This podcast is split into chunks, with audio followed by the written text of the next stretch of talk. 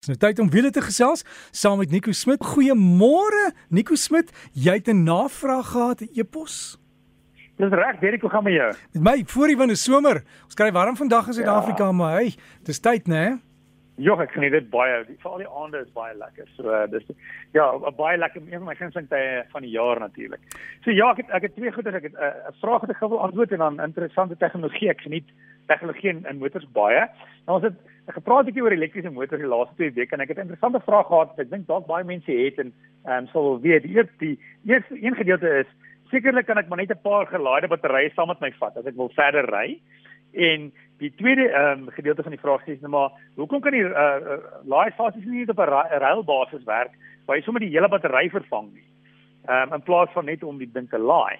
So die eerste ding is Ehm um, die battery is redelik swaar en vat baie plek in die kar. So dis nie 'n geval van jy laai gou twee ekstra batterytjies in die in die, in die kattebak uh, ongelukkig nie. Ehm um, so uh, as jy 'n elektriese kar het, het jy groot battery nodig. So as jy dalk 'n sleepwa het met die, met dieselfde groot hoeveelheid battery, kan dit dalk 'n verskil maak, maar andersins is daar nie eintlik plek in die voertuig vir vir ekstra battery nie. Ehm um, daar was op 'n stadium het ek gelees van uh, maatskappye wat oorweeg het om so iets te probeer doen waar jy die battery waar jy stop en jy kry 'n volgelaaide battery met ander woorde jy weet soos soos met jou jou afstandbeheer van jou van jou CTV. Al twee batterye uit sit twee batterye in en dan gaan jy. Ehm um, die probleem is natuurlik dan moet jy 'n standaard stelsel hê wat ek weet nie of vir vervaardigers wil hê nie. En natuurlik 'n ander ding is ehm um, as jou battery goed na gekyk word uh, en jy stop dan kry jy dalk 'n battery wat wat ouer as joune is wat nie so goed na gekyk word nie. So ehm um, dit gaan altyd daai gedeelte van die vraag ook ooplos. Is dit vir jou nie met 'n werk?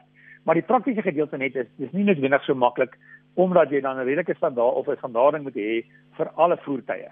Ehm um, en baie van die vervaardigers natuurlik het hulle tegnologie en hulle wil hou aan hou aan hulle tegnologie en hulle wil nie noodwendig deel met ander vervaardigers nie. En as ons praat van tegnologie, ehm um, het ek nou gelees dat of in die week het ek gesien dat Honda het nou vlak 3 selfryfunksie. Nou ehm um, ehm um, net gou vinnig die verskillende vlakke van ehm um, selfry. Selfry natuurlik is wanneer die voertuig jou help. Ehm um, ons het begin by vlak 0 en en meeste van die karre uh, vandag het een of ander basiese selfry funksie soos ehm um, jou spoedbeheer is al klaar getel as 'n selfry funksie of jou radar spoedbeheer of die stelsel wat jou in jou baan hou of jou blinde kol gonser ehm um, ek hou van daai woord gonser. Ehm um, wat jy sê as 'n voertuig in die blinde kol is.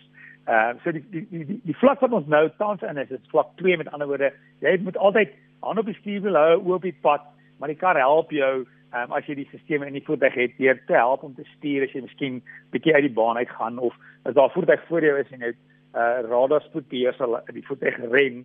Maar nou in Japan het het, het Honda ehm um, op hulle Honda Legend. So Honda Legend is 'n as 'n as 'n baie groot Honda. Hy was dink op 'n stadium in Suid-Afrika. So ehm um, groot luxe Honda het hulle nou vlak 3 selfry funksie. So wat vlak 3 selfry funksie beteken is dat jy kan in sekere situasies kan jy nou ehm um, en Honda self sê jy kan jou jou jou funksie op die kar gebruik um um om te ontspan. Met ander woorde jy kan byvoorbeeld na film kyk. Ek dink jy kan natuurlik na jou foon kyk nou of kan ek sekerlik 'n boek lees as jy wil, maar jy moet altyd reg wees om oor te neem sodra die kar vir jou sê um, neem oor. Met ander woorde, die idee is dat jy nou nie noodwendig hoef te konsentreer op wat gebeur nie.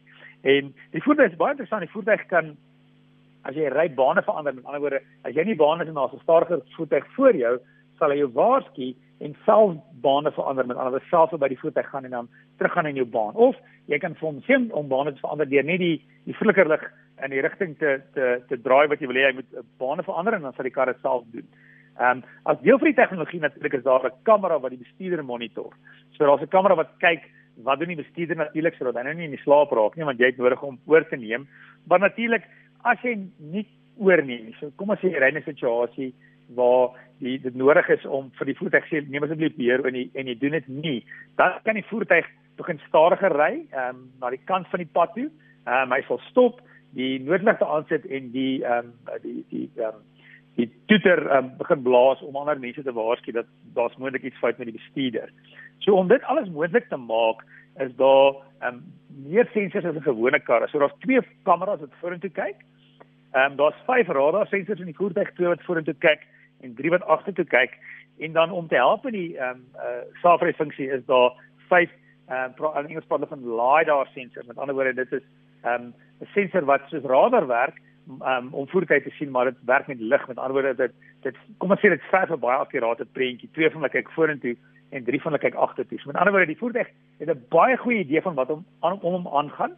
En dan ook as deel van dit is die navigasie kaarte baie goed. Met ander woorde die navigasie kaarte weet presies waar die paai is, waar jy is en saam gee hierdie tegnologie vir jou nou vir die eerste keer in Japan selfry funksie vlak 3 wat wat voor al die, Duitsers het almal vervaardigers het almal probeer sê ons gaan dit inbring en ons bring die karre maar weet voor weet Japan is die eerste of Honda is die eerste vervaardiger wat dit reg kry. Ek dink die rede hoekom baie vervaardigers versigtig vir dit is is ehm um, wie is die ehm um, um, kom ons sê daar's 'n ongeluk. Wie is dan die skuldige party of wie wie wie word skuldig gehou want as as voor die kar in die selfry funksie is en daar's 'n ongeluk, is dit die vervaardiger se skuld as die bestuurder bestuur is dit die bestuurder se skuld. Kom ons sê dis in daai oorgangstydperk waar die kar jou waarsku om oor te neem en jy neem nie oor nie en daar's 'n ongeluk, wie se skuld is dit dan? En uh, dis hoekom baie vervaardigers die tegnologie is daar, maar hulle is redelik versigtig om dit ehm um, bekend te stel want dit gaan oor ehm um, wat gebeur as daar ongeluk is en wie word verantwoordelik gehou vir daai vir die tegnologie. So as jy bietjie daarna wil kyk, is maklik as jy net kan soek op die internet kan jy bietjie kyk na die tegnologie van ehm um, Honda se nuwe Legend en vlak 3 selfry tegnologie. So Nico is eintlik ongelooflik dat Tannie Sunny met haar ou Taz wat nou al oor die mure is amper ja. nog steeds kan rondry en sy het niks van daai goed nie. Dis reg, weet jy wat? Dis heeltemal reg. Ons ons kom redelik goed al reg sonder daai tegnologie. Ehm um, maar ek moet jou sê wat hierdie tegnologie baie lekker maak as jy in middag 5 uur van werk op die dienskom aan sit en jy ry tussen Johannesburg en Pretoria en die verkeer is so teen 'n slakke pas en jy het 'n lang week gehad en is redelik gefrustreerd en geïrriteerd, dan is dit iets wat jou nou nogal lekker kan laat ontspan sodat jy net so 'n bietjie kan terugsit en net ehm um, minder frustreerd op 'n Vrydagmiddag by die huis kan kom. So jy mag maar terwyl jy ry jou jou gremering aansit en koffie drink. Is jo, nee, dit is heeltemal wat ons sê nie. As jy as jy Honda Legend in Japan, ek maar kom ons sê nog nie in Suid-Afrika nie. Verkieslik nie. Nee, dis reg Nico, alles van die beste. Goeie naweek, nie te warm kry nie, hoor. Dankie lekker en vir jou ook. Dankie Nico. Dit dan Nico Smit met ons wiele bydra en jy kan van Nico e-pos as jy dalk 'n vraag het of 'n voorstel oor iets waaroor jy wil hê ons moet praat, stuur vir hom. Sy e-pos is wiele by rsg.co.za. wiele by rsg.co.za.